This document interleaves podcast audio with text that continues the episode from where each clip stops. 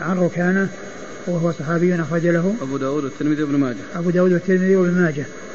آه آه هذا اللي هو آه اللي عن ركانة من هو شو اسمه؟ أبو جعفر بن محمد ابن علي بن ركان. آه لا. محمد. محمد بن ركان. لكنه زاد في السند هنا ابن علي. ابن علي. هنا الآن عن أبي جعفر. ابن محمد ابن علي ابن ركانة.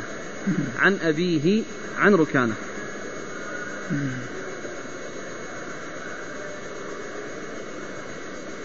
أبو جعفر. ابن محمد. ابن محمد. ابن علي. ابن علي. ابن ركانة. ابن ركانة. عن أبيه. آه، آه، إذا كان إذا كان أنها يعني الرواية عن أبيه علي علي وش لا مو بعلي. لا محمد إيش؟ أبو جعفر عن علي عن محمد بن علي. لأنه أبو, أبو جعفر ابن محمد. أبو جعفر ابن محمد ابن علي بن ركان. ابن علي.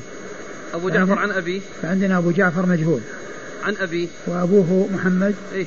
مجهول. إيه؟ ومحمد يروي عن من؟ محمد عن ركانة. أن ركانة صار عن النبي صلى الله عليه وسلم. عن محمد بن علي.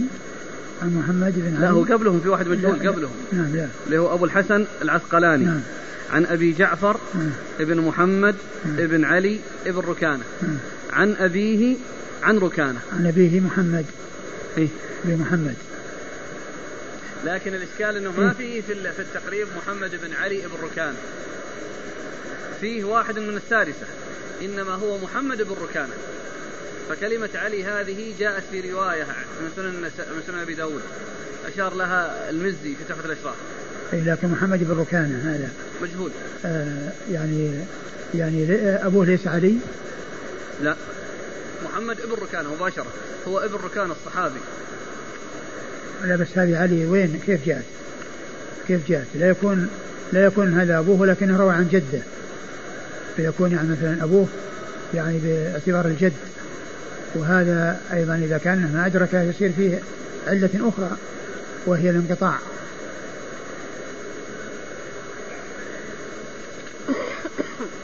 إيش قال عنه في التقريب؟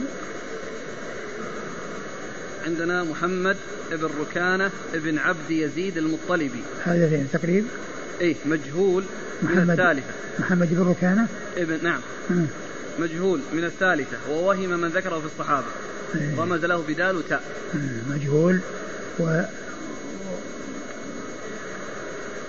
الطبقة الثالثة مم. على كل هو فيه ثلاث مجاهيل.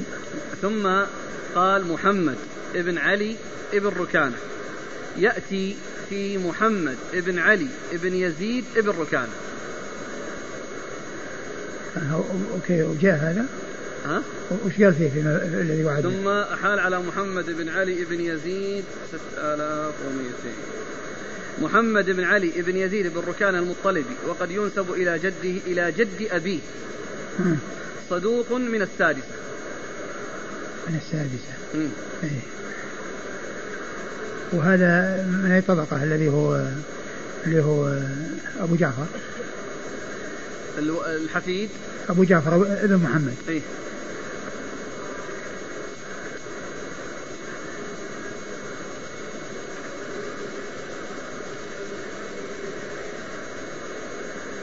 من السادسة. أبو جعفر بن محمد بن ركانة مجهول من السادسة. وهذاك من من السادسة؟ ذاك اللي تو؟ إيه. محمد. إيه. مم. لكن كلمة علي هذه ما جاءت في جميع النسخ. إيه. نسخ سنة أبي داود. على كل الحديث يعني أقول فيه ثلاثة أشخاص واحد منهم يكفي في تضعيف الحديث. نعم.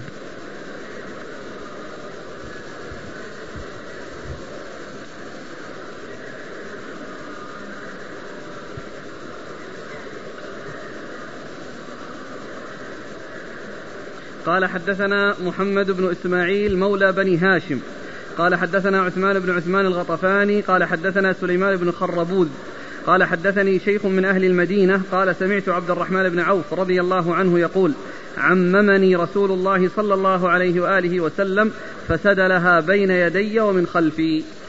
ثم رد أبو داود حديث عبد الرحمن بن عوف. قال عممني يعني أنه ألبسه العمامة. وعمل ذلك بيده صلى الله عليه وسلم فسدلها من بين يديه ومن خلفه يعني جعلها طرفين يعني آه، مسدولين أحدهما من الأمام والثاني من الخلف. والحديث آه، ضعيف غير ثابت عن رسول الله صلى الله عليه وسلم. جعل لها طرفين من الأمام كيف يكون؟ يعني ذؤابة يعني يعني يطلع إيه لا يعني هي تلف لف ويجعل طرفا من تحت من قدام وطرف من وراء. الذي يبدأ به يمكن يطلع من قدام والذي ينتهى به يصير من وراء. ويصير شيء على الناصيه طرف على الناصية يصير لا واحد قدام واحد من وراء. يعني قال واحد من الامام واحد من الخلف فسدلها بين يدي ومن خلف هذا هو. يعني واحد من من يديه والثاني من خلف ما هي ما هو ما هو معناه أنه طرف واحد؟ لأن يعني ما دام المسدول إذا كانت من وراء وسدل فهو من الأمام ما فيه من الخلف. وإنما السدل من الأمام يعني كون طرف متدلي من الأمام وطرف متدلي من الخلف. والذي مر في الحديث السابق من الخلف يعني جعلها أرخاها بين كتفيه.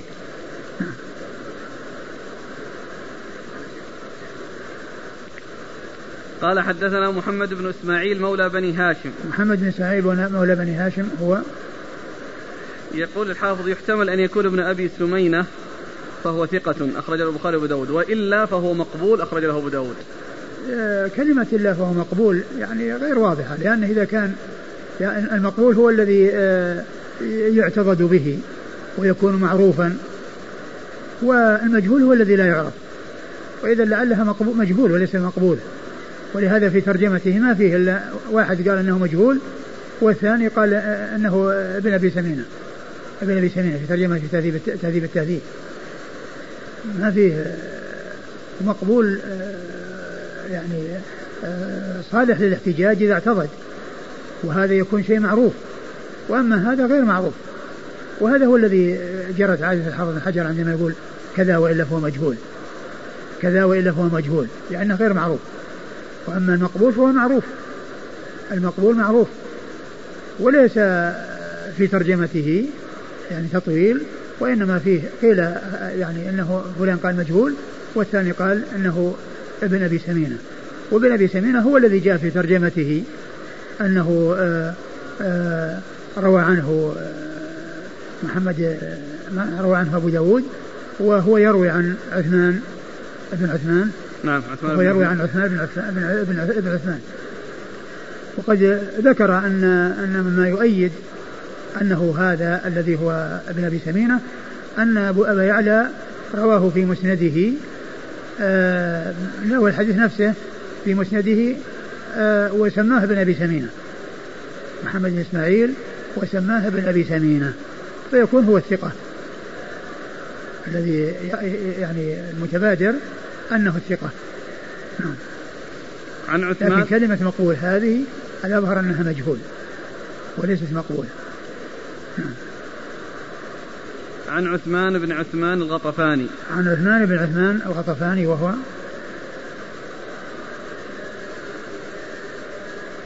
صدوق ربما وهم أخرج له مسلم وأبو داود. صدوق ربما وهم أخرج له مسلم وأبو داود. والنسائي. مسلم وأبو داود والنسائي. عن سليمان بن خربوذ سليمان بن خربوذ مجهول. سليمان بن خربوذ مجهول. أخرج أخرج له أبو داود. أبو داود. عن شيخ من أهل المدينة. عن شيخ من أهل المدينة وهو مبهم غير معروف. عن عن عبد الرحمن, بن, بن عوف رضي الله عنه صاحب رسول الله صلى الله عليه وسلم وأحد العشرة المبشرين بالجنة رضي الله عنه. وهذا الإسناد فيه ضعيفان فيه فيه مجهول مجهول العين وفيه مبهم لا يعرف. نعم.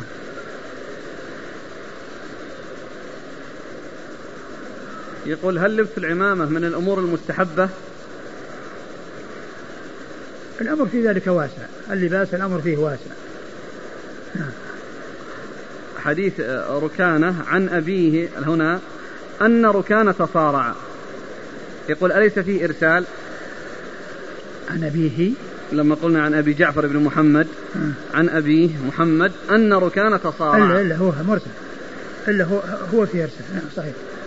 هو هو مع أقول بدون ذكر عليه هو مرسل لأن قوله أن ركانة هذا هذا حكاية عن شيء قد حصل وهو ما شاهده وما عاينة فتكون علة رابعة. في الحديث الأول لبس العمامة السوداء فهل يدل على استحباب لبس العمامة السوداء ولو كانت مخالفة للبس أهل البلد؟ الحديث يدل على الجواز كما قلنا ما يدل على الاستحباب وأنه سائغ لأن الأبيض والأسود والأحمر الذي هو غير خالص وكذلك يعني باب اللباس واسع. لكن إذا كان إذا كان أهل البلد آه، اعتادوا لباسا معينا فليكن مثلهم ولا يخالفهم. اللون الأسود قد يكون شعار لبعض الطوائف العمامة. نعم إذا كان شعار معروف أنه من يعني من من أهل البدع وصار شعارا لهم فالابتعاد عنه يعني بالإضافة إلى كونه ليس من زي البلد وليس من يستعمل في البلد يعني يزداد يعني تأكيد. يسأل عن صحة حديث العمائم تيجان العرب إذا وضعوها وضعوا عزهم. لا, لا أعرف عنه شيئا. إذا وضعوها وضعوا عزهم. قال رحمه الله تعالى باب في لبسة في لبسة الصماء. قال حدثنا عثمان بن أبي شيبة قال حدثنا جرير عن الأعمش عن أبي صالح عن أبي هريرة رضي الله عنه. قال نهى رسول الله صلى الله عليه وعلى آله وسلم عن لبستين أن يحتبي الرجل مفضيا بفرجه إلى السماء ويلبس ثوبه وأحد وأحد جانبيه خارج. ويلقي ويلقي ثوبه على عاتقه. ثم أورد أبو داود آه، باب لبسة الصماء. والصماء هي, هي نوع من اللباس وفسرت بتفسيرين تفسير أن يجعل يلبس ثوبا واحدا يعني قطعة واحدة من القماش. هذا المقصود بالثوب ليس قميصا ولكنها قطعة من القماش. فيلتحف بها ويجعل يديه من الداخل ويحكمها على جسده ويديه من الداخل فيكون كأنه حج... كأنه صخرة صماء ليس لها منافذ.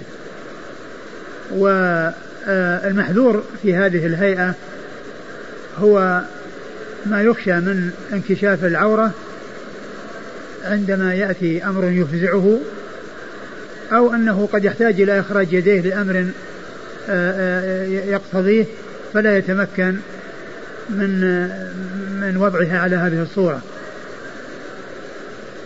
والتفسير الثاني هو أن يلبس آه، آه، ثوبا واحدا ويجعل آه، يخرج جنبه يعني معناها أنه يعني تكون يده إحدى يديه مكشوفة وينسف الطرف على الكتف الثاني فهذا فيه احتمال انكشاف العورة لأن الثوب واحد مو مثل الإزار والرداء لأن الإزار آه، يحصل بستر العورة والرداء يمكن أن يطبع به كما يحصل في الحج ويجعل آه، اليد اليمنى مكشوفة والطرف الثاني قد وضع على الكتف الأيسر فما فيه محذور من ناحية العورة.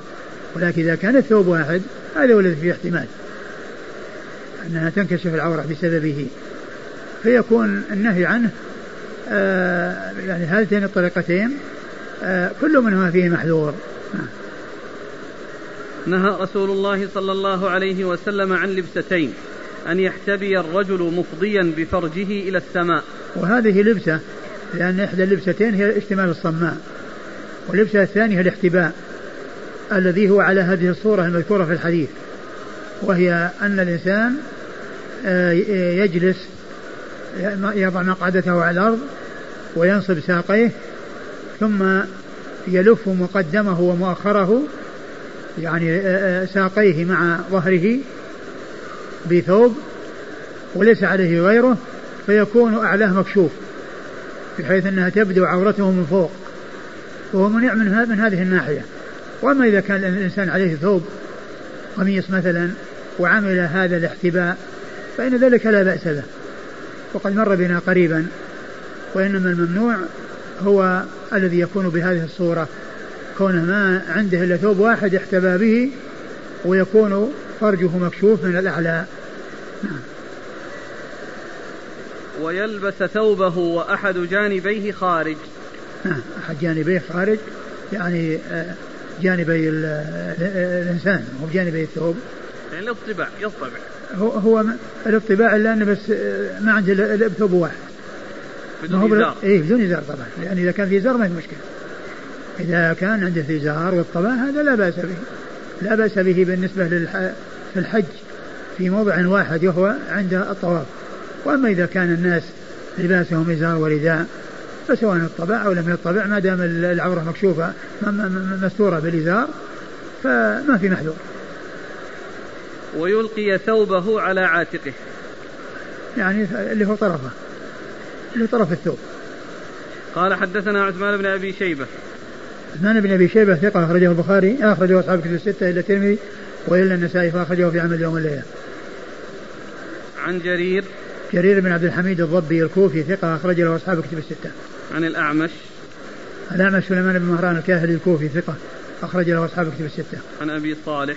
عن أبي صالح هو ذكوان السمان ثقة أخرج له أصحاب كتب الستة. عن أبي هريرة. عن أبي هريرة عبد الرحمن بن صخر الدوسي رضي الله عنه صاحب رسول الله صلى الله عليه وسلم وحديثه وهو أكثر الصحابة حديثا على الإطلاق رضي الله عنه وأرضاه. قال حدثنا موسى بن إسماعيل قال حدثنا حماد عن أبي الزبير عن جابر رضي الله عنه أنه قال نهى رسول الله صلى الله عليه وعلى آله وسلم عن الصماء وعن الاحتباء في ثوب واحد. ثم ورد أبو داود الحديث حديث جابر. حديث جابر رضي الله عنه وهو مجمل يعني فيه النهي عن اشتمال الصماء وعن الاحتباء في ثوب واحد. نعم. قال حدثنا موسى بن إسماعيل عن حماد عن أبي الزبير عن جابر. وقد مر ذكرهم. قال رحمه الله تعالى باب في حل الأزرار. قال حدثنا النفيلي وأحمد بن يونس. قال حدثنا زهير. قال حدثنا عروة بن عبد الله. قال ابن نفيل ابن قشير ابن قشير أبو مهل الجعفي. قال حدثنا معاوية بن قرة قال حدثني أبي رضي الله عنه أنه قال أتيت رسول الله صلى الله عليه وعلى آله وسلم في رهط من مزينة فبايعناه وإن قميصه لمطلق الأزرار. قال فبايعته ثم أدخلت يدي في جيب قميصه فمسست الخاتم. قال عروة فما رأيت معاوية ولا ابنه قط إلا مطلق إلا مطلقي أزرارهما في شتاء ولا صحيح.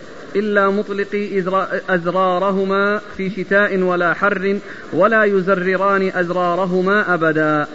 ثم ورد أبو داود باب باب في حل الأزرار. في حل الأزرار. يعني حل الأزرار يعني يكون الأزرار هو جمع زر والزر هو ما يزر به جيب القميص. ما يزر به جيب القميص. وحله عدم زره. عدم زره يعني كونه يعني قد زر. و آه، أورد أبو داود حديث قرة بن إياس. نعم. قرة بن إياس رضي الله عنه أنه جاء مع نفر إلى رسول الله صلى الله عليه وسلم و و وقد رآه محلول محلول الأزرار. فكان معاوية اللي هو ابن قرة. قرة وابنه معاوية لا لا مطلقي الأزرار ولا يزرانها لا في آه، شتاء ولا حر ولا شتاء ولا حر ولا يزرران أزرارهما أبدا. ولا يزرران أزرارهما أبدا. يعني هذا الحديث يدل على أنهم رأوه محلول الأزرار. ولا يعني هذا أنه محلول الأزرار دائما وأبدا وأن هذا شأنه. وإلا فلماذا يتخذ الأزرار؟ إذا كان الإنسان سيكون جيبه مفتوح دائما باستمرار إذا لا حاجة لوجود الأزرار. ولكن يحتمل أن يكون أن هذه الرؤيا التي رآها يعني قرة إياه وأنه على هذه الهيئة فأراد أن يكون على هذه الهيئة التي رآها رسول الله صلى الله عليه وسلم. ولا يعني هذا أن الأزارير توضع وتشترى وتركب في الثياب ثم لا تزر أبدا. هذا لا يدل عليه الحديث. ثم قوله محلول الإزرار يعني يدل على أن أنه آه، آه، يحل ويسر وفي هذه الحالة كان محلولا لأنه لو لم يكن يزر في بعض الأحيان ما كان لوضعه من الأصل أساس وما كان لوضعه حاجة. لكن كونه آه، يشترى ويوضع في القميص إنما وضع لحاجة ما وضع للزينة. وإنما يوضع لكونه يزر. والتعبير بكونه محلول يعني معناه أنه مطلق الإزرار. ومفهوم ذلك أنه يكون مطلق وغير مطلق. يكون يزره في بعض الأحيان ويطلقه في بعض الأحيان. فتكون هذه الهيئة التي رآها عليها في حالة كونه مطلقا إياه. فدل على جواز آه، عدم زر الأزرار. ووضعها يدل على آه، آه، زرها واستعمال الاستفادة من وضعها. فلا يفهم من ذلك أن الأزارير توضع ثم لا يزر الثوب أبدا. ولعل هذا الرجل الذي رأى يعني هذا الصحابي رضي الله عنه رأى هذه الهيئة أراد أن يفعل تلك الهيئة التي رسول الله صلى الله عليه وسلم عليها. لكن ذلك لا يعني أن هذا شأنه وهذا ديدنه أبدا. صلوات الله وسلامه وبركاته عليه. نعم. وقد كان يعني آه، آه، السلف يستعملون الأزارير الأزرار التي هو جمع زر وفي القاموس يقول أزرار وزرور يجمع زر على أزرار وعلى زرور. و فكانوا آه، يعني يستعملونها وقد جاء في صحيح مسلم في حديث جابر الطويل في صفة الحج أنه جاء إليه جماعة وفيهم محمد بن علي بن حسين بن علي بن أبي طالب. وقالوا حدثنا عن حجة رسول الله صلى الله عليه وسلم وكان قد كبر وعمي رضي الله عنه فسألهم عن أسمائهم فكل أخبره باسمه. ولما جاء عند عند محمد قال قال يعني قال له أنا محمد بن علي بن حسين أنا محمد بن علي بن حسين فاستدناه وقربه قال فوضع يده على وفتح زري الأعلى ثم فتح زري الأسفل ثم أدخل يده وضعها على على صدري ثم حدث بالحديث الطويل. ثم حدث بالحديث الطويل. فالاسارير يعني توضع لاستعمالها ما توضع للزينة. وثم لا يزر الإزرار أبدا ولا يفهم من الحديث هذا الشيء وإنما يفهم أن في تلك المرة التي جاءه قرة ابن إياس رضي الله عنه وجده محل محل الأزرار. نعم. عن قرة رضي الله عنه قال أتيت رسول, رسول الله صلى الله عليه وسلم في رهط من مزينة فبايعناه وإن قميصه لمطلق الأزرار. قال فبايعته ثم أدخلت يدي في جيب قميصه فمسست الخاتم. الخاتم هو الخاتم النبوة الذي كان في في آه، في آه، في آه، مؤخر كتفه عليه الصلاة والسلام. قال عروة فما رأيت معاوية ولا ابنه قط إلا مطلقي أزرارهما. نعم. في شتاء ولا حر ولا يزرران أزرارهما أبدا. نعم. معاوية وابنه إذا ما؟ قرة وابنه معاوية وابنه معاوية؟ وابنه. يعني قال معاوية وابنه؟ نعم. أي معاوية وابنه. يعني ابنه ما هو معنى في السند؟ لأن عروة يروي عن معاوية بن قرة عن أبيه. إيه. يعني معاوية وابنه نعم. قال حدثنا النفيلي. لأن هذا الذي الذي يروي منه عروة عروة بن عبد الله أبو قشير أبو مهل الجعفي. أيوه هو الذي قال؟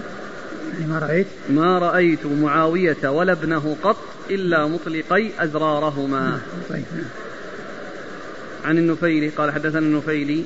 النفيلي محمد آه، آه، آه، عبد الله عبد الله بن محمد بن نفيل النفيلي ثقة أخرجه البخاري وأصحاب السنة وأحمد بن يونس. أحمد بن يونس ثقة أخرجه أصحاب كتب الستة.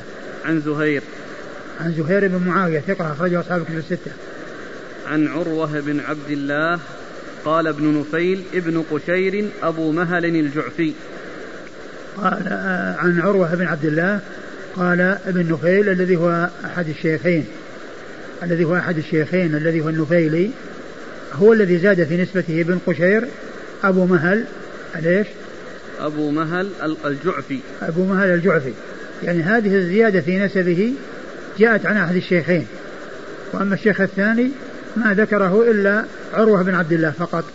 وأما الذي قال عروة بن عبد الله ابن آه قشير. ابن قشير أبو مهل الجعفي هذه جاءت عن طريق الشيخ آه آه الأول ولا الثاني؟ الأول النفيل. الشيخ الأول اللي هو الذي هو بن نفيل. نعم. ثقة أخرج أبو داود والترمذي في الشمال وابن ماجه. ثقة أخرجه أبو داود والترمذي في الشمال والنسائي. لا وابن ماجه. وابن ماجه نعم. عن معاوية بن قرة عن معاوية بن قرة وهو ثقة أخرج أصحاب الكتب. ثقة أخرج أصحاب الكتب الستة. عن أبيه قرة. عن أبيه قرة ابن ابن ابن إياس. إياس المزني آه صحابي. آه رضي الله عنه. وهو صحابي أخرج له. البخاري المفرد وأصحاب يمكن أن يكون ابنه إياس. إياس بن معاوية ابن قرة القاضي المشهور. القاضي نعم. المشهور.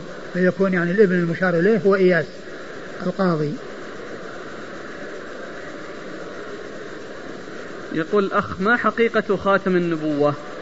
يعني قطعة من اللحم بارزة في مؤخر آه، آه، كتفه صلى الله عليه وسلم.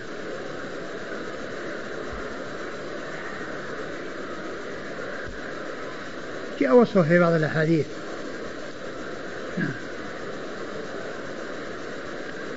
قال رحمه الله تعالى باب في التقنع. قال حدثنا محمد بن داود بن سفيان قال حدثنا عبد الرزاق قال أخبرنا معمر قال قال الزهري قال عروة قالت عائشة رضي الله عنها بينا نحن جلوس في بيتنا في نحر الظهيرة. قال قائل لأبي بكر رضي الله عنه هذا رسول الله صلى الله عليه وعلى آله وسلم مقبلا متقنعا في ساعة لم يكن يأتينا فيها. فجاء رسول الله صلى الله عليه وآله وسلم فاستأذن. فأذن له فدخل. ثم ورد أبو داود رحمه الله بقى ترجم بابه في التقنع. والتقنع هو يعني تغطية الرأس آه ويعني آه آه تغطية الرأس مع يعني شيء من مقدم الوجه. يعني وفيها يعني غالبا ما يكون فيها إما عدم عدم الظهور والبروز أو أن أو لأمر من الأمور مثل مثل ما حصل في آه، في غزوة تبوك لما مر بديار ثمود أنه قنع رأسه وأسرع عليه الصلاة والسلام. نعم. في في الشرح؟ التقنيع التقنع أعطنا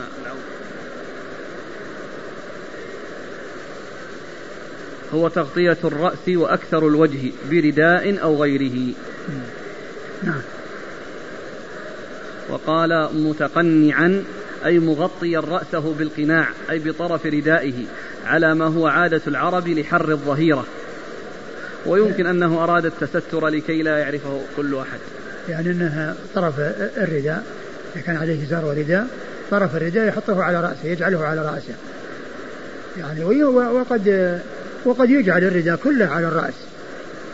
قد يجعل الرداء كله على الرأس. ويكون يعني آه، مثل وضع الغترة التي تستعمل الآن. ومثل ما يفعله بعض الحجاج يعني قبل أن يحرم آه، يجعل آه، الرداء على رأسه. يعني لأنه غير غير محرم. وإن كان لابس الإزار والرداء مثل ما في طريقه إلى أبيار علي وهو قبل الاستحرام من المدينة يضع يضع على رأسه لأنه ما يقال له محرم. تغطية الرأس إنما تكون بعد الإحرام وليس بعد لبس الإحرام أو لبس ثوب الإحرام. وكذلك بعد ما الإنسان يحلق رأسه وعليه يعني وقد حلق رأسه وعليه يضع الرداء على رأسه ويغطي رأسه. نعم.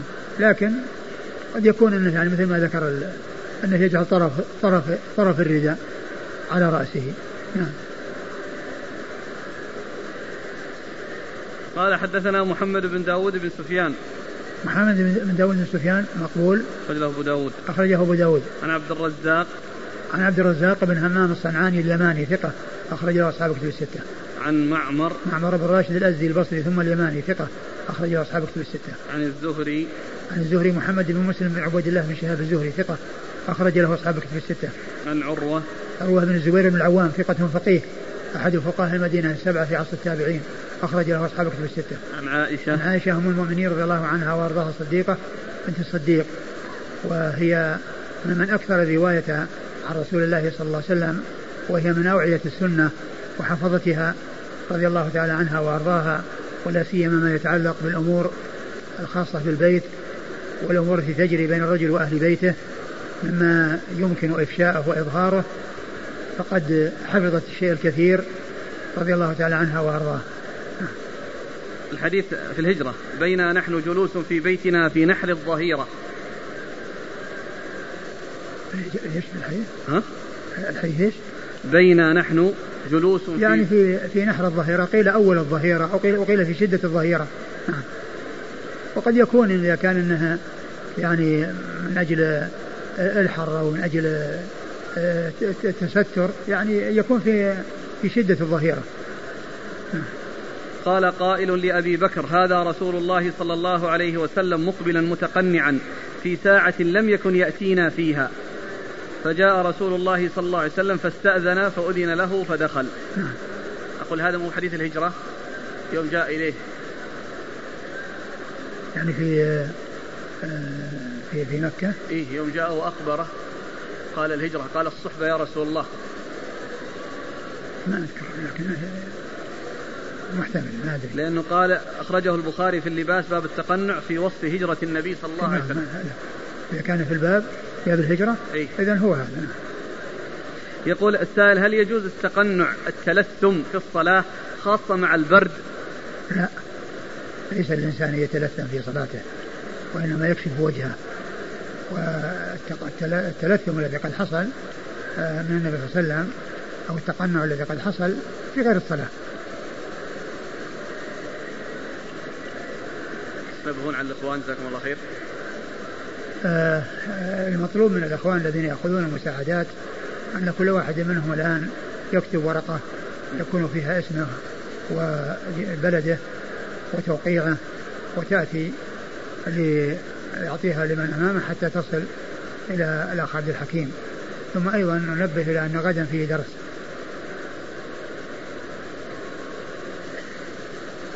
نعم. نعم والورقة التي ما فيها توقيع لا تعتبر.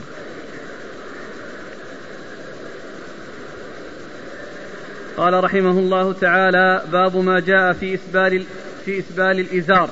قال حدثنا مسدد قال حدثنا يحيى عن أبي غفار قال حدثنا أبو تميمة الهجيمي وأبو تميمة اسمه طريف بن مجالد.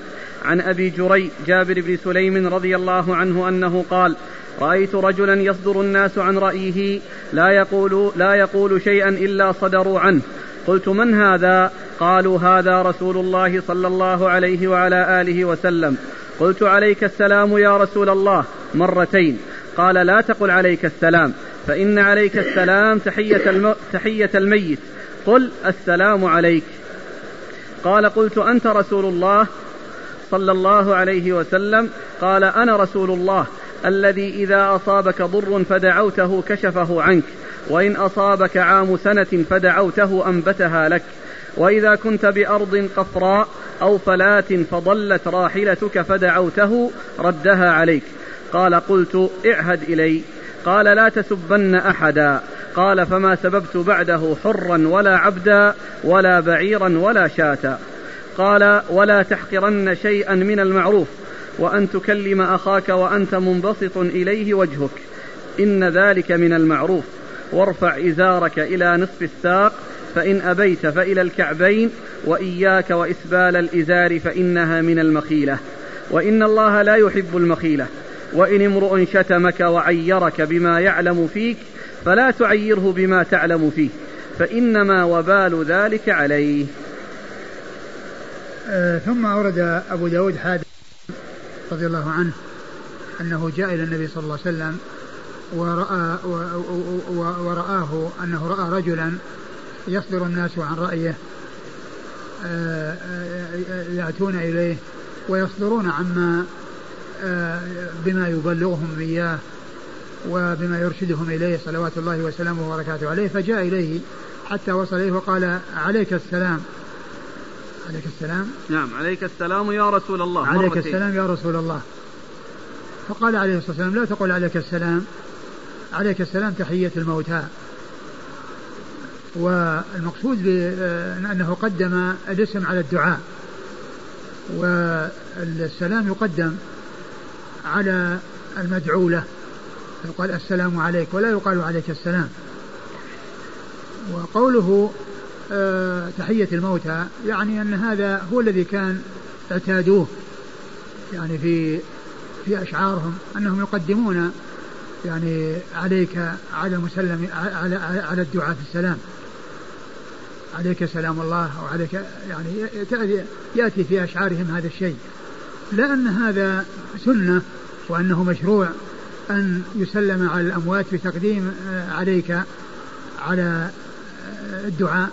بل السلام على الأموات كالسلام على الأحياء. الدعاء يقدم أولا. ولهذا النبي صلى الله عليه وسلم كان يقول السلام عليكم أهل الديار عندما يذهب إلى البقيع. السلام عليكم أهل الديار. ما يقول عليكم السلام أهل الديار؟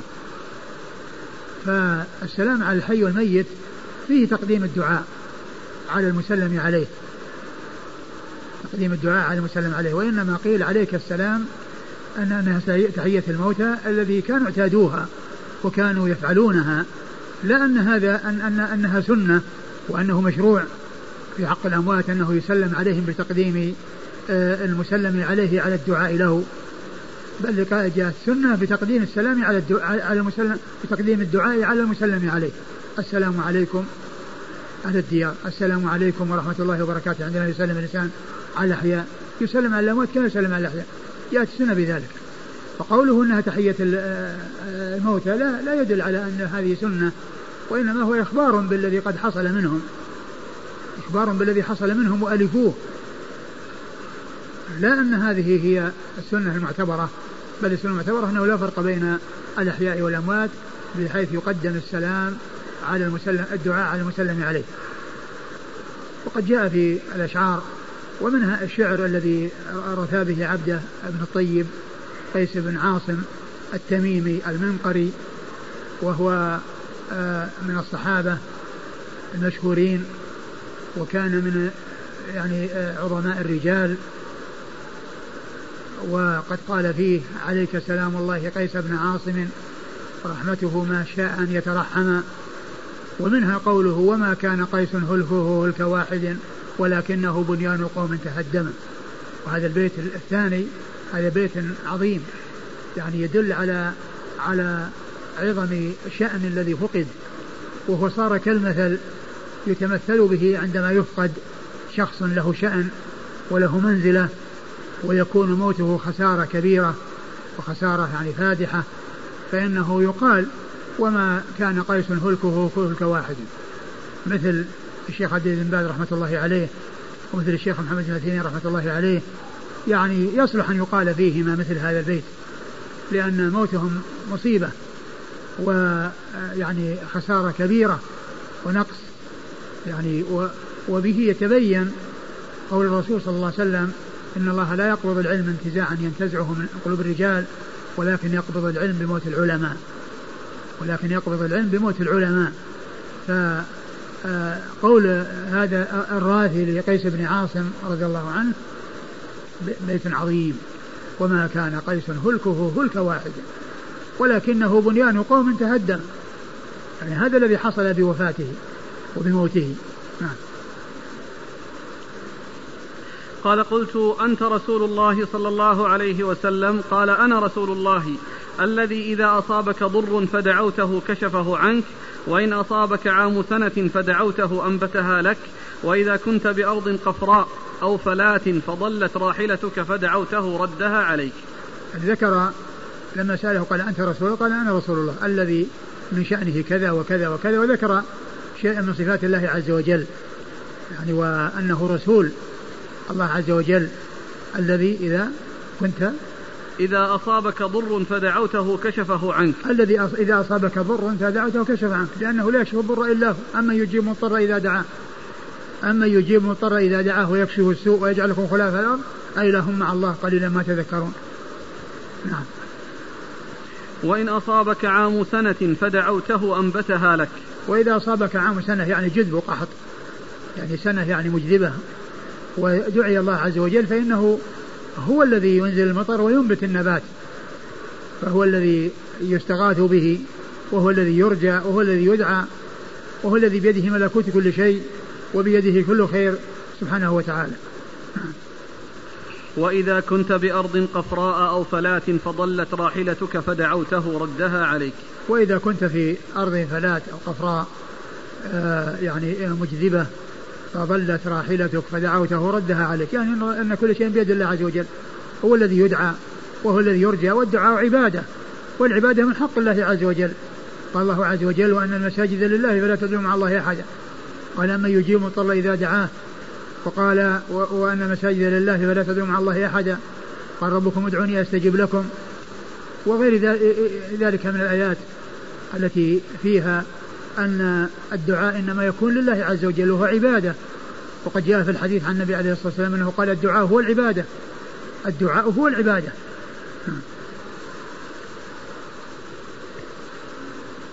قال قلت اعهد إلي قال لا تسبن أحدا. اعهد إلي يعني أوصني بوصية أستفيد منها وأعتمد عليها. قال لا تسب أحدا. يعني احفظ لسانك من السباب. نعم. قال فما سببت؟ قال فما سببت بعده حرا ولا عبدا ولا بعيرا ولا شاة. قال فما سببت بعده؟ يعني بعد هذا هذا العهد إلي وبعد هذه الوصية ما سببت حرا ولا عبدا ولا بعيرا ولا شاة. ما سب إنسانا ولا حيوانا. ما سب إنسانا ولا حيوانا وإنما حفظ لسانه. وهذا يدلنا على ما كان عليه أصحاب الرسول صلى الله عليه وسلم ورضي الله عنهم وأرضاهم من الانصياع. لما يأتي عن الله وعن رسوله عليه الصلاة والسلام والاستسلام والانقياد وتنفيذ الشيء الذي آه، يؤمرون به يمتثلون الأوامر ويجتنبون النواهي فهم أحرص الناس على كل خير وأسبق الناس إلى كل خير. وهم القدوة وهم الواسطة بين الناس وبين رسول الله عليه الصلاة والسلام. ما عرف الناس حقا ولا هدى إلا عن طريق الصحابة الكرام رضي الله عنهم وأرضاهم. قال ولا تحقرن شيئا من المعروف وأن تكلم أخاك وأنت منبسط إليه وجهك. ولا تحقرن شيئا من المعروف. يعني ولو كان يسيرا فإن الشيء اليسير في موضعه وفي آه، الحاجة الداعية إليه يكون كبيرا وعظيما. وهذا فيه الإشارة إلى أو الحث على بذل الإحسان وبذل المعروف وألا يتقال الإنسان الشيء الذي يخرجه فإن آه، الشيء القليل ممن لا يملك الكثير آه، يقع موقعه في حق من هو بحاجة إلى ذلك الشيء القليل. فلا يتهاون الإنسان ويستسهل النفقة أو الصدقة ولو كان بالشيء اليسير. لأن الشيء اليسير ينفع الفقير الذي ليس بيده شيء وليس عنده شيء فالإنسان لا يتهاون يعني في ذلك ولا يستهين بالشيء القليل ويقول إن هذا يعني لا يصلح. نعم.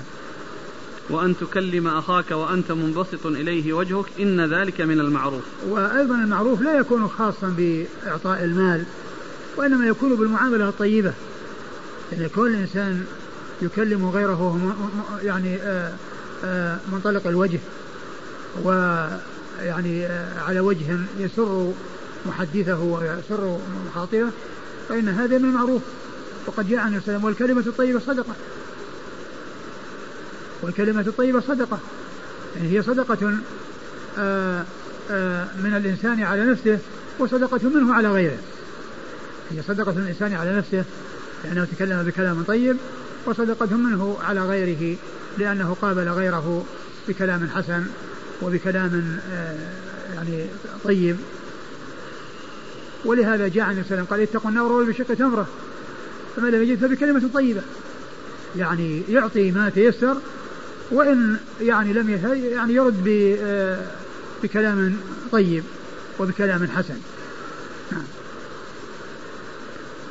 وارفع إزارك إلى نصف الساق. وارفع إزارك إلى نصف الساق. يعني الإزار يعني لا يرخى وإنما يكون حده الأعلى نصف الساق. ولا بأس بنزوله إلى ما فوق الكعبين. ولا يجوز نزوله عن الكعبين. وقد جاء النبي صلى الله عليه وسلم ما أسفل من الكعبين فهو في النار. ما أسفل من الكعبين فهو في النار.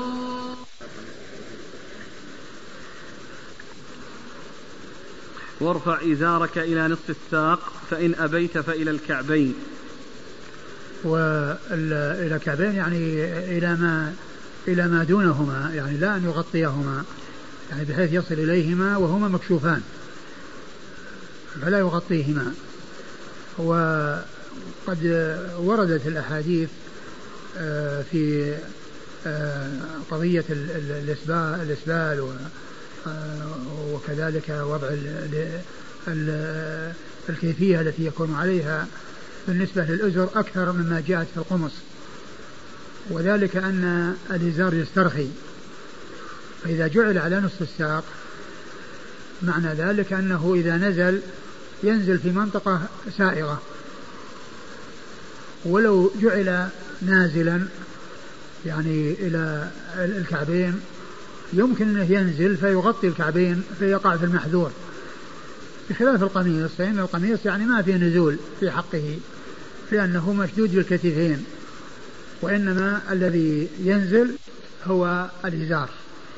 وعلى على على هذا فإن الإزار وكذلك القميص يكون في حدود هذه المسافة التي فوق الكعبين وإلى نصف الساق. وإياك وإسبال الإزار فإنها من المخيلة.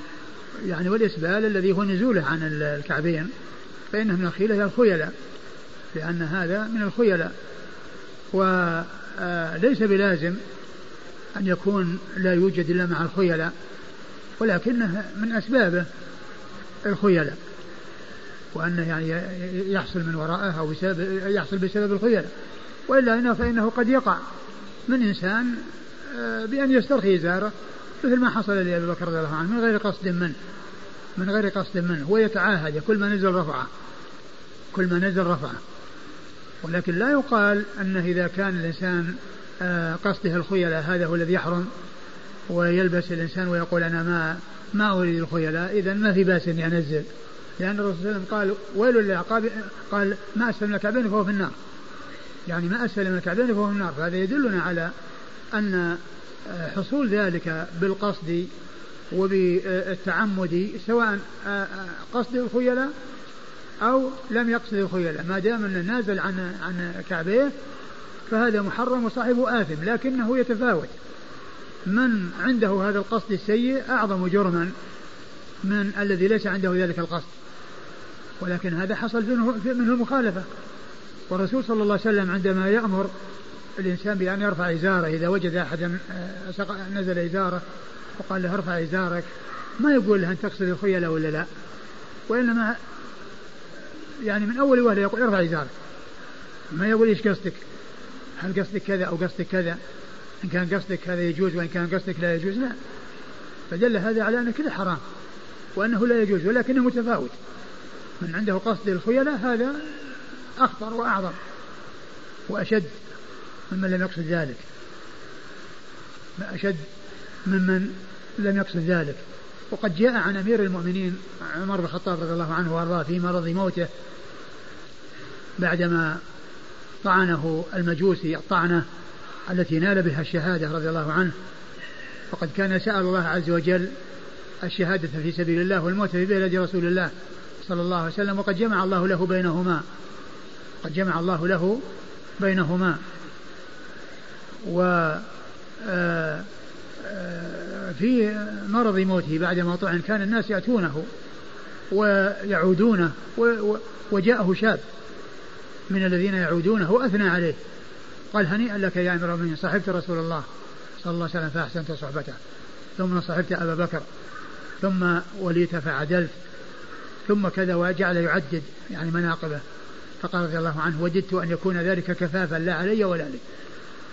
يعني هو من أهل الجنة ويعلم أنه من أهل الجنة وله بيت في الجنة أخبره به رسول الله عليه الصلاة والسلام. ومع ذلك يقول هذا الكلام وهذا شأن أولياء الله. جمعوا بين الإحسان والخوف. أحسنوا ومع ذلك مع إحسانهم يخافون الله عز وجل. وقد قال الله عز وجل عن أوليائه والذين يؤتون ما آتوا وقلوبهم وجلة. أنهم إلى ربهم راجعون فهم مع إحسانهم خائفون وجلون ولهذا قال عمر رضي الله عنه وددت أن يكون ذلك كفافا لا علي ولا علي. ثم إن الغلام ذهب وإذا ثوبه يمس الأرض فقال ردوا علي الغلام. ثم قال له ارفع رأسك ارفع ثوبك فإنه أتقى لربك وأبقى لثوبك. أتقى لربك وأبقى لثوبك. فأرشده إلى أن يرفع ثوبه وأخبره أن هناك فائدتين. من وراء ذلك إحداهما دنيوية وهي كون الثوب يبقى ولا يتعرض للوسخ. والثانية دنيوية وأخروية وهي التقوى. يعني تقوى الله عز وجل ثمراتها تكون في الدنيا والآخرة. ومن يتق الله يجعل له مخرجا ويرزقه من حيث لا يحتسب. فأرشده إلى هذين الأمرين رضي الله عنه وأرضاه.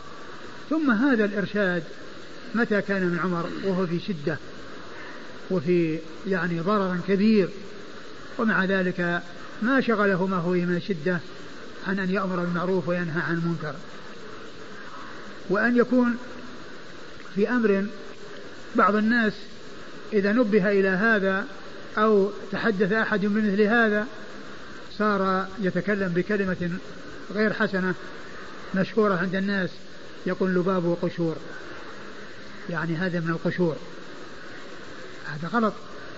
ليس في الإسلام قشور كله لباب ولكنه متفاوت والأوامر متفاوتة والنواهي متفاوتة ولكن كل ذلك يعتبر لباب. مع حصول التفاوت ولا يجوز أن يوصف شيء بأنه قشور. بعض الناس يعبر بمثل هذه العبارة السيئة. يعني فالإنسان إذا نبه على أمر قال يعني العبرة باللباب وليس بالقشور. كله لباب. كله لباب. ما في قشور. عمر رضي الله عنه قال هذه المقالة متى؟ وهم يسقونه اللبن فيخرج من جوفه. ويسقونه الماء فيخرج من جوفه. أمعاءه مقطعة رضي الله عنه وأرضاه. ومع ذلك ما ثناه ما هو فيه من الشدة من أن يأمر بالمعروف وينهى عن المنكر وقال هذا لرجل أثنى عليه. قال هذا الكلام لرجل أثنى عليه. الثناء العظيم. فالإزار أو الإسبال لا يجوز مطلقا. لا بقصد الخيلاء ولا بدون قصد الخيلاء. ولكنه يتفاوت. فالذي معه الخيلاء أشد والذي بدون خيلاء لا شك أنه حرام وصاحبه آثم ولكن دون من يفعل ذلك خيلاء. نعم. وإياك وإسبال الإزار فإنها من المخيلة وإن الله لا يحب المخيلة. فإن الله لا يحب المخيلة يعني أنه لا يحب الخيلاء وإنما يكره ذلك ويبغضه. نعم. وإن امرؤ شتمك وعيرك بما يعلم فيك فلا تعيره بما تعلم فيه فإنما وبال ذلك عليه. وإن امرؤ عيرك بما يعلمه فيك فلا تعيره بما تعلم فيه فإن وبال ذلك عليه. هو الذي يأثم ولكنك إن أردت أن تقتص, تقتص منه وتقول له كلاما يعني يناسبه دون أن تزيد فلك ذلك. لقوله عليه سبحانه وتعالى يقول الله سبحانه وتعالى وإن عاقبتم فعاقبوا بمثل ما عوقبتم به ولئن صبرتم لهو خير للصابرين.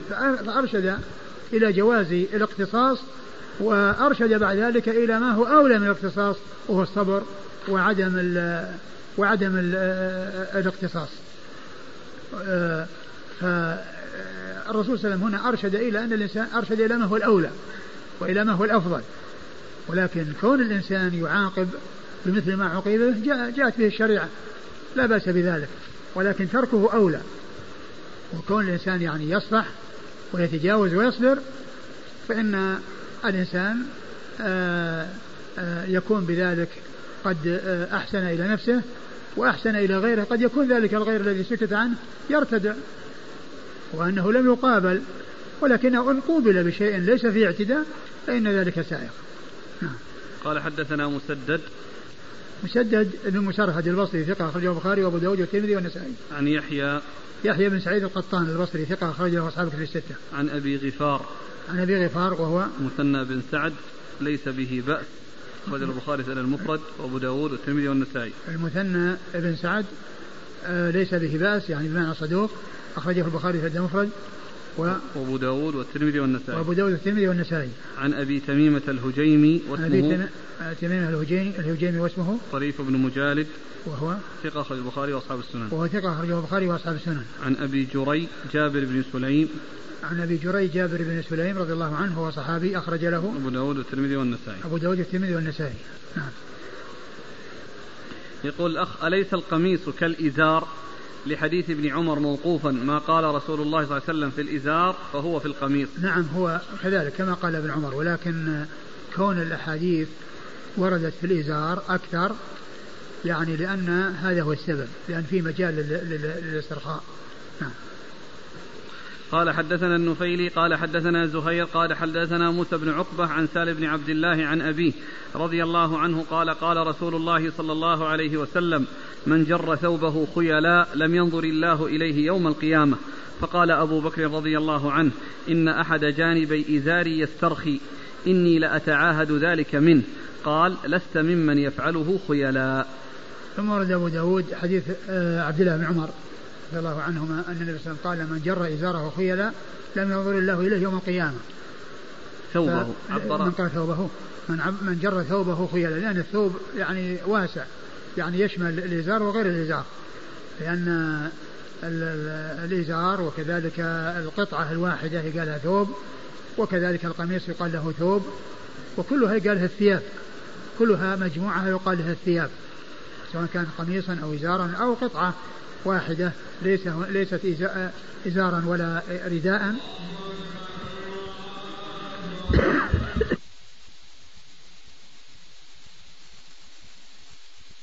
بسم الله الرحمن الرحيم. الحمد لله رب العالمين والصلاة والسلام على عبد الله ورسوله نبينا محمد وعلى آله وصحبه أجمعين. أما بعد قال الإمام أبو داود السجستاني رحمه الله تعالى في باب ما جاء في إسبال الإزار. قال حدثنا النفيلي قال حدثنا زهير قال حدثنا موسى بن عقبة. عن سالم بن عبد الله عن أبيه رضي الله عنه أنه قال قال رسول الله صلى الله عليه وعلى آله وسلم من جر ثوبه خيلاء لم ينظر الله إليه يوم القيامة فقال أبو بكر رضي الله عنه إن أحد جانبي إزاري يسترخي إني لأتعاهد ذلك منه قال لست ممن يفعله خيلاء. بسم الله الرحمن الرحيم. الحمد لله رب العالمين. وصلى الله وسلم وبارك على عبده ورسوله نبينا محمد وعلى آله وأصحابه أجمعين. أما بعد فقد سبق في الدرس الماضي بعض الأحاديث المتعلقة بالإسبال وهذا الحديث حديث عبد الله بن عمر رضي الله تعالى عنهما من الأحاديث في الباب وذلك أن النبي عليه الصلاة والسلام قال من جر ثوبه خيلاء لم ينظر الله إليه يوم القيامة.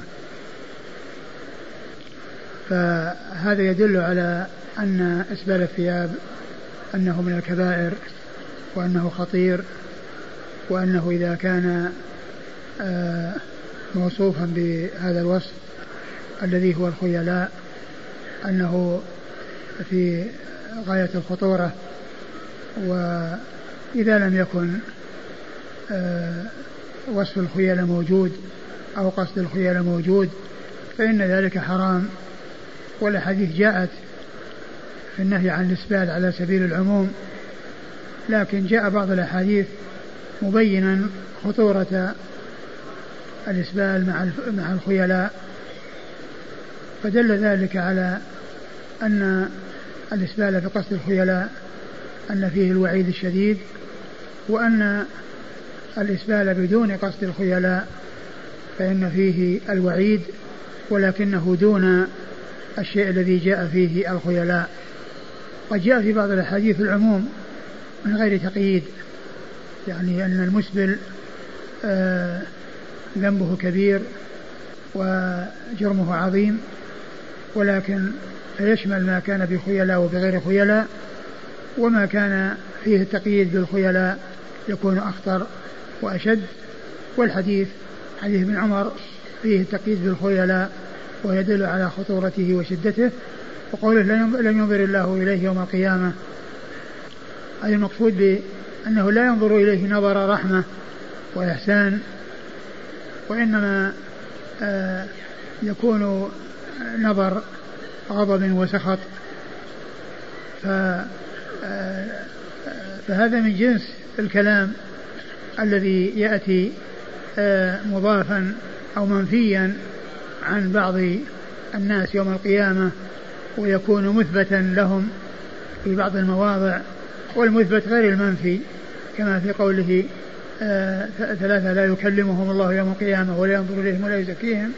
فإن قوله لا يكلمهم هذا النفي نفي التكليم الذي فيه رحمة وإحسان إليهم. وأما التكليم الذي فيه توبيخ وتقريع فهذا هو الذي ثبت في حقهم. فإذا المنفي غير مثبت والمثبت في قول الله عز وجل اخسأوا فيها ولا تكلمون فإن هذا كلام ولكنه كلام توبيخ وتقريع. وعلى هذا فالمنفي هو الذي يعود عليهم بالخير والذي فيه إحسان إليهم ورحمة بهم والذي فيه الإثبات هو الذي فيه توبيخ وتقريع لهم فيكون النظر أيضا كذلك ومن هذا القبيل النظر الذي فيه إحسان ورحمة بهم هذا هو المنفي. ولا ينفي أن يكون هناك نظر ولكن مع سخط وغضب. وعلى هذا فالمنفي المراد به ما كان من جنس الكلام المنفي. نعم. قال أبو بكر رضي الله عنه إن أحد شقي إزاري يسترخي فأتعاهده. أبو بكر رضي الله عنه آه كان إزاره يسترخي من غير قصد منه ومع ذلك فإنه يجذبه ويرفعه ويتعاهده بالرفع وعدم النزول إذا نزل رفعه وخشي أن يكون ممن يعنيهم هذا الكلام فذكر ذلك للنبي عليه الصلاة والسلام فقال أنت لست مما يفعله خيلاء. يعني أن هذا الشيء وإن هو ما قصده وما أراده ومع كونه يحصل منه بغير قصد فإنه ليس فيه ذلك القصد السيء وليست فيه ذلك تلك النية السيئة. نعم. قال حدثنا النفيلي. النفيلي هو عبد الله بن محمد. النفيلي ثقة أخرج له البخاري وأصحاب السنن. عن زهير. عن زهير بن معاوية ثقة أخرج له أصحاب الكتب الستة. عن موسى بن عقبة. موسى بن عقبة المدني ثقة أخرج له أصحاب الكتب الستة. عن سالم بن عبد عن سالم بن عبد الله بن عمر الخطاب وهو ثقة أخرج له أصحاب الكتب الستة. عن أبيه عبد الله بن عمر رضي الله عنهما الصحابي الجليل أحد العباد له الأربعة من الصحابة وأحد السبعة المعروفين بكثرة الحديث عن النبي صلى الله عليه وسلم.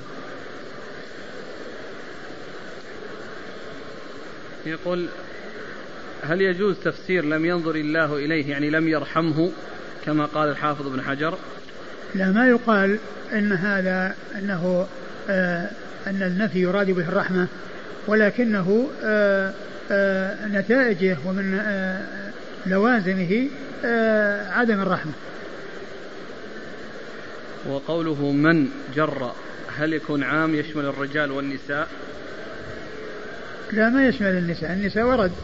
في حقهن أنهن يرخين وأنهن يعني ينزلن ثيابهن وأنهن آه، يرخينهن وراءهن. فدل ذلك على أن هذا خاص بالرجال وليس ذلك من حق النساء لأن النساء المطلوب في حقهن الستر والتستر ولهذا جاء الإذن لهن بإرخاء ذيولهن. نعم.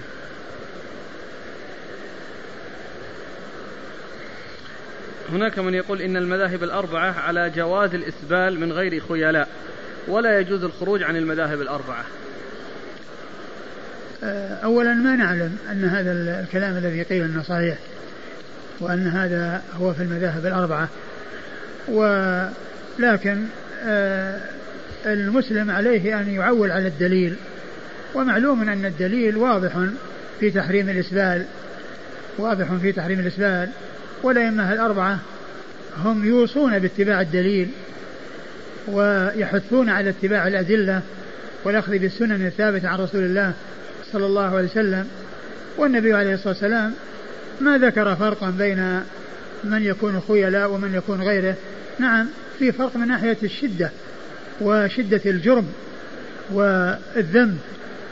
لا أن يعني فيه شيء سائغ وشيء غير سائغ. والنبي صلى الله عليه وسلم عندما يرشد أحد إلى رفع ثوبه ما يقول له أنت تفعل خيلاء أو ما تفعل خيلاء وإنما يرشد إلى آه، رفع الثوب.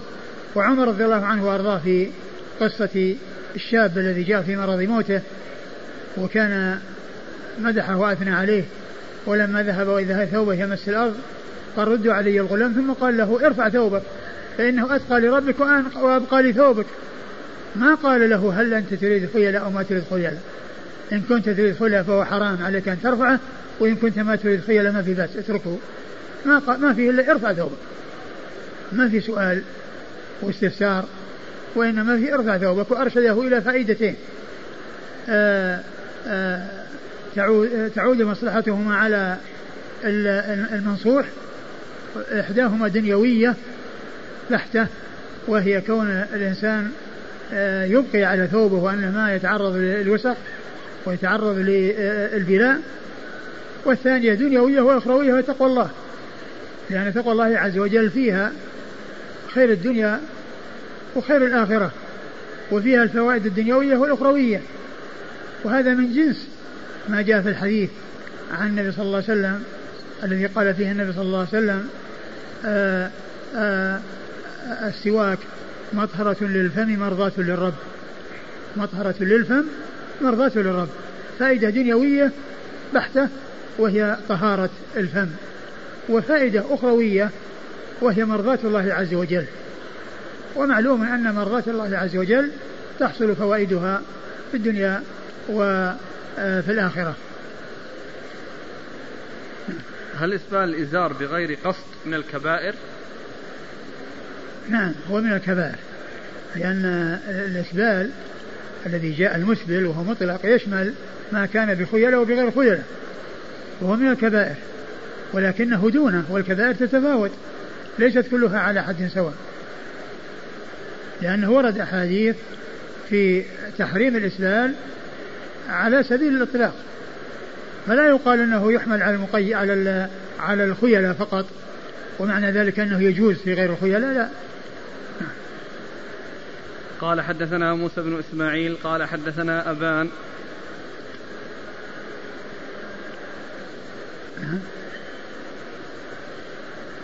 ترجمة من الرواة وما ترجم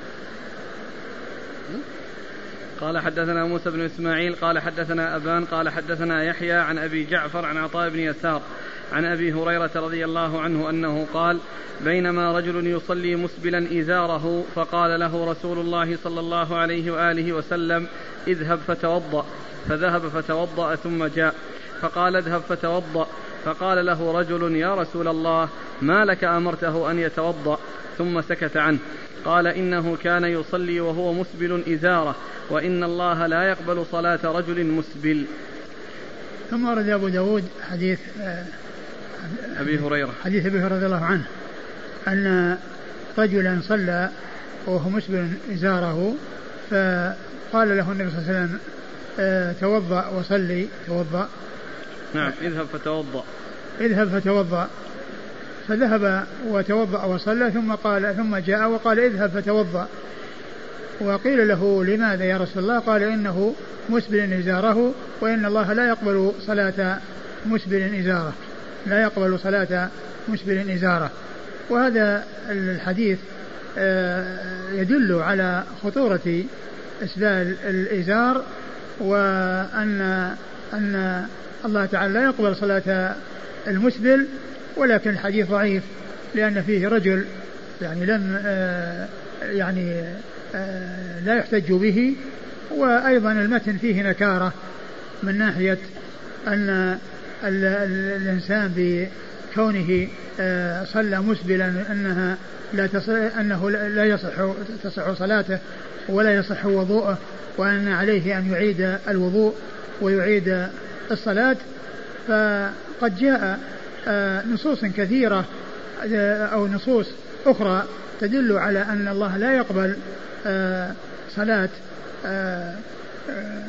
بعض الناس لسبب المعاصي. ومع ذلك لا يقال إن عليهم أن يعيدوها مثل ما جاء في قصة الذي يأتي ساحر أو أو كاهن لم تقبل له صلاة أربعين يوما ليس معنى ذلك أنه يعيد الصلاة ولكنه يحرم ثوابها ويحال بينه وبين ثوابها. وهذا فيه هذا الحديث الذي معنا فيه أن الوضوء يعاد. فبعض أهل العلم قال إن هذه معصية والمعصية آآ آآ آآ يعني فيها خطورة والإنسان إذا توضأ وصلى يكون في ذلك جهاد للنفس وفي ذلك إغاظة للشيطان. وقد جاء في آه، بعض الأحاديث يعني آه، كل إنسان يعني عند الغضب يعني يتوضأ ويصلي. ولكن القول بأن أن صلاته تبطل. نعم الصلاة صحيحة والإسبال حرام. فيعاقب على إساءته ويثاب على صلاته. مثل لو أن إنسانا صلى في ذوب حرير فإنه مطيع عاصي. ولو صلى في أرض مغصوبة هو مطيع عاصي. صلاته صحيحة وهو آثم لفعله المعصية. فكذلك اللي يصلي وهو مسبل إزارة صلاته صحيحة وهو آثم في الإسبال وكونه صلى وهو مسبل أو كونه فعل الإسبال آه، أما كون آه، آه، وضوءه يعني ينتقض أو أنه يحتاج إلى إعادة الوضوء ثم إعادة الصلاة هذا هذا مشكل وفيه نكارة ومع ذلك في الإسناد آه، فيه أبو جعفر وهو يعني لا يحتج به نعم. قال حدثنا موسى بن إسماعيل موسى بن إسماعيل التبوذكي البصري ثقة أخرج له أصحاب الكتب الستة. عن أبان عن أبان بن يزيد العطار وهو ثقة أخرج له أصحاب الكتب إلا ابن ماجه. عن يحيى. عن يحيى بن أبي كثير اليمامي وهو ثقة أخرجه أصحاب الكتب الستة. عن أبي جعفر. عن أبي جعفر وهو المدني الأنصاري وهو مقبول. نعم. مقبول أخرج له أبو داود. البخاري في المفرد وأبو داود والترمذي والنسائي في عمل البخاري البخاري في المفرد وأبو داود والترمذي والنسائي في عمل يوم الليلة. وابن ماجه. وابن ماجه. عن عطاء بن يسار. عطاء بن يسار ثقة أخرج له أصحاب الكتب الستة. عن أبي هريرة. عن أبي هريرة عبد الرحمن بن صخر الدوسي رضي الله عنه صاحب رسول الله صلى الله عليه وسلم وهو أكثر الصحابة حديثا على الإطلاق.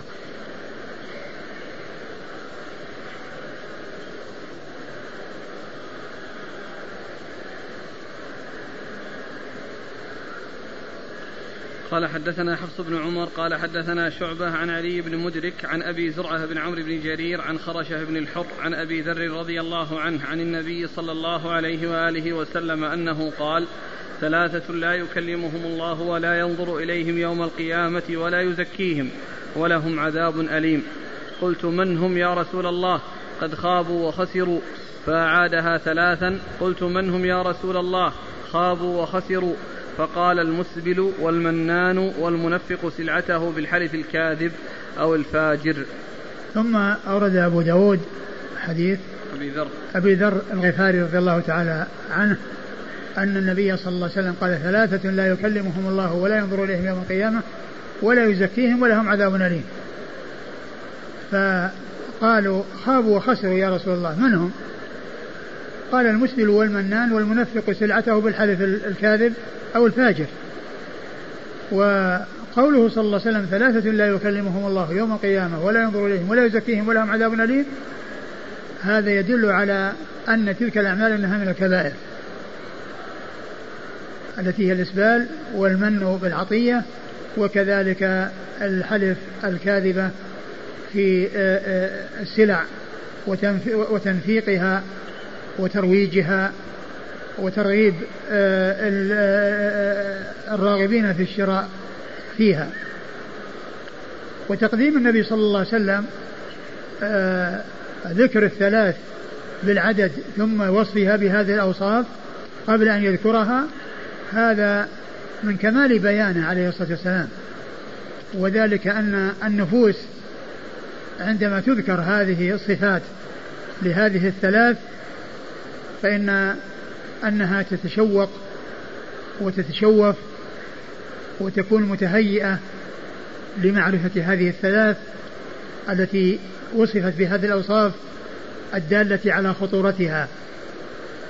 فهذا من كمال بيانه صلى الله عليه وسلم ونصحه لأمته عليه الصلاة والسلام. ثم ذكر العدد. أيضا فيه فائدة وهي أن الإنسان يعني آآ آآ آآ يطالب نفسه بالعدد وأن العدد هو كمل أو لم يكمل. ما دام إنه ثلاث فإنه لابد أن تأتي الثلاث وإلا فيها نقص. ما دام إنها الكرن فيه ثلاث فالإنسان إما أن يستو... إن استوفاها وإلا فإن هناك نقص حصل له فإنه يبحث عنه. فهذه فائدة ذكر العدد وفائدة ذكر الأوصاف. كما عرفنا هو آه الاهتمام وحفز النفوس. على الاستعداد والتهيؤ لاستيعاب الشيء الذي سيذكر لأن مثل ذلك دال على أهميته. وهذا من من من, من بيانه عليه الصلاة والسلام والطريقة التي يتبعها في بيان الأحكام. وكذا من كمال نصح لأمته عليه الصلاة والسلام. ويأتي لذلك نظائر كثيرة منها ما يكون بالعدد الذي هو ثلاث ومنها ما يكون أقل ومنها ما يكون أكثر ومما هو أقل من ذلك. الحديث الذي هو آخر حديث في صحيح البخاري حديث أبي هريرة كلمتان حبيبتان الرحمن خفيفتان على اللسان ثقيلتان في الميزان. سبحان الله وبحمده سبحان الله العظيم. فإنه بين صلى الله عليه وسلم أن كلمتين موصوفتين بهذه الصفات الثلاث شأنها أي يدل على أن شأنهما عظيم ثم بينهما بقوله سبحان الله وبحمده سبحان الله العظيم. فعندما يسمع الإنسان كلمتان حبيبتان الرحمن خفيفتان على اللسان ثقيلتان الإنسان إيش الكلمتين اللي هذا شأنهما؟ الجواب سبحان الله وبحمده سبحان الله العظيم. سبحان الله وبحمده سبحان الله العظيم. فهذا من كمال بيانه عليه الصلاة والسلام. وقوله لم ينظر الله إليه من جنس الذي مر لا ينظر الله إلى من جر ثوبه خيلا يعني النظر الذي فيه يترتب عليه فائدة للمنظور إليه ونفي تلك الفائدة. وأما النظر الذي فيه مضرة وهو من جنس الكلام الذي فيه مضرة اخسأوا فيها ولا تكلمون هذا كلام. وهنا نفى الكلام لا يكلمهم الله في مكان يعني يكلمهم كلاما فيه مصلحة لهم وكلام مفيد لهم وكلام يعني فيه إحسان إليهم. المسبل وهذا هو محل الشاهد وهو مطلق. يدل يدل على الإسبال مطلقا. ولكنه إذا وصف بأنه خيلاء صار أشد وأعظم. وإذا كان موصوفا بدون خيلاء فهو شديد وعظيم. والمنان الذي يمن بما أعطى. إذا أعطى شيئا من به على من أعطاه. والمنفق سلعته بالحديث الكاذب أن يروجها. ويجعل آه الذي يرغب بالشراء يطمع فيها ويحرص عليها مع أن هذا الذي حصل منه هو كاذب فيه. يعني يصف السلعة بأنها كذا والله كذا والله كذا آه، أو اشتريتها بكذا. يعني من أجل يراقب فيها الناس. فهذا من الكبائر. الكذب في حد ذاته هو خطير ولكنه إذا كان لأمر باطل يكون أشد وأشد.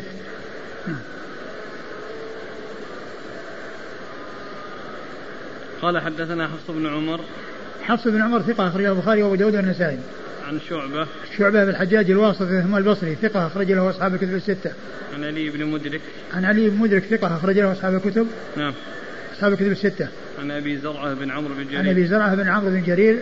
وهو ثقة أخرج له أصحاب الكتب الستة. عن خرشة بن الحر.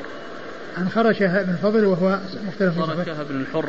خرشة بن الحر. نعم. آه اختلفوا في صحبته. اختلف في صحبته. أخرج له أصحاب الكتب. أصحاب الكتب الستة. عن أبي ذر. عن أبي ذر الغفاري جندب بن جنادة رضي الله عنه وحديثه أخرجه أصحاب الكتب الستة. قال حدثنا مسدد قال حدثنا يحيى عن سفيان عن الأعمش عن سليمان بن مسهر عن سليمان بن مسهر عن خرشة بن الحر. عن أبي ذر رضي الله عنه عن النبي صلى الله عليه وآله وسلم بهذا والأول أتم. قال المنان الذي لا يعطي شيئا إلا منه. ثم أورد أبو داود الحديث من طريق أخرى وهو مثل الذي قبله والأول أتم أي الذي ذكر وذكر متنه في الإسناد السابق وذكر أن مما جاء في الطريق الثاني من الزيادة توضيح المنان الذي لا يعطي شيئا إلا منه يعني منه على من أعطاه إياه نعم قال حدثنا مسدد مسدد بن مسرهد البصري ثقة أخرجه حديث البخاري وأبو داود والترمذي والنسائي. عن يحيى عن يحيى بن سعيد القطان ثقة أخرجه أصحاب كتب الستة. عن سفيان سفيان هو الثوري سفيان بن سعيد بن مسروق الثوري ثقة أخرج له أصحاب كتب الستة. عن الأعمش الأعمش سليمان بن مهران الكاهلي الكوفي ثقة أخرج له أصحاب كتب الستة. عن سليمان بن مسهر. عن سليمان بن مسهر وهو ثقة أخرج له. مسلم وداود النسائي. مسلم وأبو داود النسائي. عن خرشة بن الحر. عن خرشة بن الحر عن أبي ذر وقد مر ذكرهما.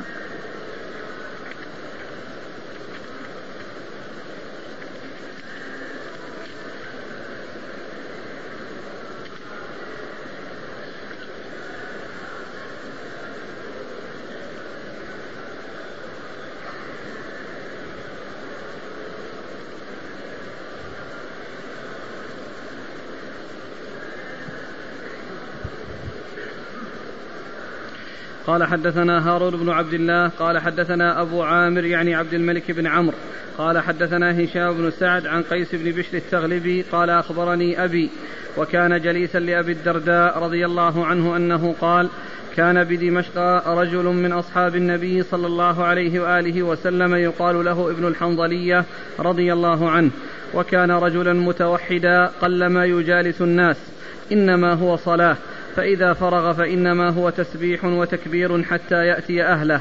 فمر بنا ونحن عند أبي الدرداء. فقال له أبو الدرداء كلمة تنفعنا ولا تضرك. قال بعث رسول الله صلى الله عليه وآله وسلم سرية فقدمت فجاء رجل منهم فجلس في المجلس الذي يجلس فيه رسول الله صلى الله عليه وآله وسلم فقال لرجل إلى جنبه لو رأيتنا حين التقينا نحن والعدو فحمل فلان فطعن فقال خذها مني وأنا الغلام الغفاري كيف ترى في قوله؟ قال ما أراه إلا قد بطل أجره. فسمع بذلك آخر فقال ما أرى بذلك بأسا فتنازعا. حتى سمع رسول الله صلى الله عليه وآله وسلم فقال سبحان الله لا بأس أن يؤجر ويحمد. فرأيت أبا الدرداء سر بذلك وجعل يرفع رأسه إليه ويقول أنت سمعت ذلك من رسول الله صلى الله عليه وآله وسلم؟ فيقول نعم فما زال يعيد عليه حتى إني لأقول ليرك ليبركن على ركبتيه. قال فمر بنا يوما آخر فقال له أبو الدرداء كلمة تنفعنا ولا تضرك. قال قل قال قال لنا رسول الله صلى الله عليه وآله وسلم المنفق على الخيل كالباسط يده بالصدقة لا يقبضها ثم مر بنا يوما آخر فقال له أبو الدرداء كلمة تنفعنا ولا تضرك. قال قال لنا رسول الله صلى الله عليه وآله وسلم نعم الرجل خريم الأسدي لولا طول جمته وإسبال إزاره فبلغ ذلك خريما فعجل فأخذ شفرة فقطع بها جمته إلى أذنيه ورفع إزاره إلى أنصاف ساقيه ثم مر بنا يوما آخر فقال له أبو الدرداء كلمة تنفعنا ولا تضرك. فقال سمعت رسول الله صلى الله عليه وآله وسلم يقول إنكم قادمون على إخوانكم فأصلحوا رحالكم وأصلحوا لباسكم حتى تكونوا كأنكم شامة في الناس. فإن الله لا يحب الفحش ولا التفحش. قال أبو داود وكذلك قال أبو نعيم عن هشام قال حتى تكونوا كالشامة في الناس. ثم ورد أبو داود حديث آه، رجل من الصحابة هو سهل ابن الحنظلية رضي الله عنه. وكان آه، في الشام وكان آه، رجلا يعني منعزلا على الناس معتزلا الناس وليس كثير المخالطة. وإنما مشتغل بالعبادة والذكر والتسبيح والتهليل. فمر آه، يوما وكان على مجلس فيه أبو الدرداء فقال أبو الدرداء كلمة تنفعنا ولا تضرك. يعني آآ آآ ذكرنا بشيء أو تحدث أو حدثنا بشيء ينفعنا ولا يضرك. والكلمة يراد بها الكلام. الكلمة يراد بها الكلام. لا يراد بها كلمة واحدة لأن لأن الكلمة يراد بها الكلمة الواحدة ويراد بها الكلام. كما يقال فلان ألقى كلمة عنده كلمة يعني كلام. وكذلك آه، جاء في آه، اللغة وفي الحديث وقول الحديث إذا شرت إليه كلمتان حبيبتان للرحمن خفيفتان على اللسان. كلمة الإخلاص لا إله إلا الله هي عدة كلمات. فالكلمة تطلق على الكلمة الواحدة وتطلق على الكلام. ولهذا يقول ابن مالك في أول الفية آه عن الكلام واحدة كلمة والقول عام وكلمة بها كلام قد يؤم. كلمة قد يقصد بها الكلام. كلمة قد يقصد بها الكلام. فهنا قوله كلمة تنفعنا ولا تضرك يعني حدثنا بحديث وبكلام ينفعنا ولا يضرك فليس المقصود منه الكلمة المفردة وإنما المقصود منه الكلام. لأن الكلمة تطلق على الكلام. وقوله تنفعنا ولا تضرك. يعني نحن نربح وأنت ما تخسر. يعني نحن رابحون وأنت ما عليك خسارة. وفي الحقيقة أن أن الكلمة منه تنفعهم وتنفعه هو. ما هو المسألة بس مجرد آه، ارتفاع الضرر عنه بل النفع حاصل. لأن الإنسان إذا دل على خير وأرشد إلى خير وحدث بخير فإنه ينتفع. قد قال عليه الصلاة والسلام من دعا إلى هدى كان لهم الأجر مثل أجور من تبعه لا ينقص ذلك من أجورهم شيئا. ومن دعا إلى ضلالة كان عليه من الإثم مثل آثام من تبعه لا ينقص ذلك من آثامهم شيئا.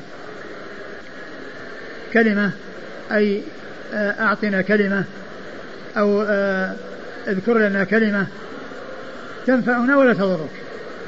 يعني من شأن هذه الكلمة أنها نافعة لنا وغير ضارة لك. نحن رابحون وأنت غير خسران.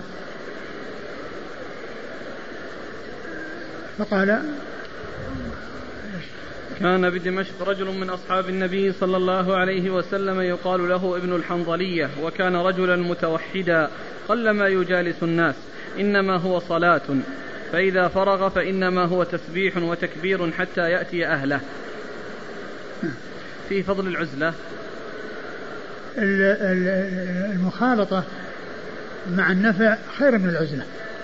والعزلة إذا كان هناك يعني المخالطة فيها ضرر وما يترتب من ورائها نفع فالعزلة تكون أفضل. فالعزلة تكون أفضل باعتبار والمخالطة تكون أفضل باعتبار. فالذي يخالط الناس ويصبر على أذاهم وينفعهم خير من الذي يعتزلهم ولا يفيدهم شيئا. ولكن إذا ما حصل منه نفع أو آه، آه، النفع منه غير حاصل أو لا يعني يحصل منه آه، له التمكن من النفع والخلطة تؤدي إلى ضرر له فعند ذلك تكون العزلة خير. فالحاصل أن العزلة تكون خيرا باعتبار والمخالطة تكون خيرا باعتبار. فمر بنا ونحن عند أبي الدرداء فقال له أبو الدرداء كلمة تنفعنا ولا تضرك. قال بعث رسول الله صلى الله عليه وآله وسلم سرية فقدمت فجاء رجل منهم فجلس في المجلس الذي يجلس فيه رسول الله صلى الله عليه وسلم. فقال لرجل فقال لرجل إلى جنبه لو رأيتنا حين التقينا نحن والعدو فحمل فلان فطعن فقال خذها مني وأنا الغلام الغفاري.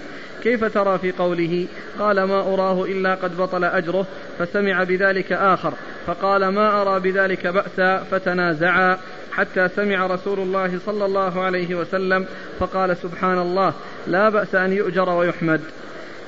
فقال آه، عندما قال له كلمة تنفعنا وهو قال كان يعني آه، آه، بعث بعث الرسول صلى الله عليه وسلم سرية بعث الرسول صلى الله عليه وسلم سرية والسرية هي قطعة من الجيش. يعني تقتطع منه وترسل لمهمة. قيل إن أنها غايتها إلى أربعمائة شخص وتكون أقل من ذلك. فيقال لها سرية تخرج من الجيش لمهمة توكل بها ثم تعود إلى الجيش. فمن حين آه، خرجت إلى أن رجعت يقال لها سرية. فإذا دخلت الجيش خرجت من كونها سرية وصارت في ضمن الجيش وفي جملة الجيش. فرجعوا وجاء رجل منهم وجلس في المجلس الذي كان يجلس فيه النبي صلى الله عليه وسلم. يعني وكأنه مكان يعني آآ آآ آآ يجلس فيه وهو ليس موجودا. فجلسوا في انتظاره فكانوا يتحدثون قبل أن يصل صلى الله عليه وسلم. فقال ذلك الرجل الذي جلس في مجلسه وقد جاء من السرية لو رأيتنا وقد وقد رجل منا حصل منه أنه قال إيش؟ لو رأيتنا حين التقينا نحن والعدو فحمل فلان فطعن. نعم يعني التقينا نحن والعدو فحمل فلان فطعن وقال خذها مني وأنا وأنا الغلام الغفاري. وأنا الغلام الغفاري. خذها مني وأنا الغلام الغفاري. ماذا تقول؟ قال أرى أنه حبط عمله. يعني كونه قال هذا الكلام وأن هذا فيه آآ آآ سمعة وفيه يعني ثناء على نفسه بالشيء الذي قد حصل منه وتزكية لنفسه. فقال الآخر آه ما أرى بذلك بأسا. ما أرى بذلك بأسا. يعني ضد الأول. الأول قال إنه حبط عمله وقال هذا ما في بأس. هذا قال طيب وهذا قال لا مو طيب. فجاء النبي صلى الله عليه وسلم وقال سبحان الله. بعد ما علم الذي قد حصل سبحان الله لا بأس أن يؤجر وأن يحمد. يعني يحصل له هذا وهذا يحصل الأجر ويحصل الحمد. إيش بعده؟ فرأيت أبا الدرداء سر بذلك وجعل يرفع رأسه إليه ويقول أنت سمعت ذلك من رسول الله صلى الله عليه وآله وسلم؟ فيقول نعم فما زال يعيد عليه حتى إني لأقول ليبركن على ركبتيه. يعني وهذا الذي جاء في الحديث من النبي صلى الله عليه وسلم يعني أيد كلام الثاني الذي قال لا بأس به والنبي صلى الله عليه وسلم قال لا بأس أن يؤجر ويحمد أو أنه يحصل الأجر ويحصل له الحمد. سر بذلك أبو ذر الغفاري وصار يردد ذلك عليه أنت سمعت هذا من رسول الله صلى الله عليه وسلم حتى أنه قال أنه يجثو على ركبتيه يعني من شدة اهتمامه ومطالبة ذلك الشخص بتأكيد هذا الكلام وأنه سمعه من رسول الله صلى الله عليه وسلم. قال فمر بنا يوما آخر فقال له أبو الدرداء كلمة تنفعنا ولا تضرك. قال قال لنا رسول الله صلى الله عليه وآله وسلم المنفق على الخيل كالباسط يده بالصدقة لا يقبضها. ثم مر بهم مرة ثانية فقال أبو ذر مثل ما قال في الأول كلمة تنفعنا وتضرك فقال قال رسول الله صلى الله عليه وسلم المنفق على الخيل كالباسط يده في الصدقة. كالباسط يده في الصدقة لا يقبضها يعني معناها أنه مستمر في الإنفاق. فالذي ينفق على الخيل أجره مستمر وأجره متتابع وأجره كثير لأن النفع في الخيل في الجهاد في سبيل الله شأنه عظيم. وقد قال عليه الصلاة والسلام الخيل معقود في نواصيها الخير لا يمكن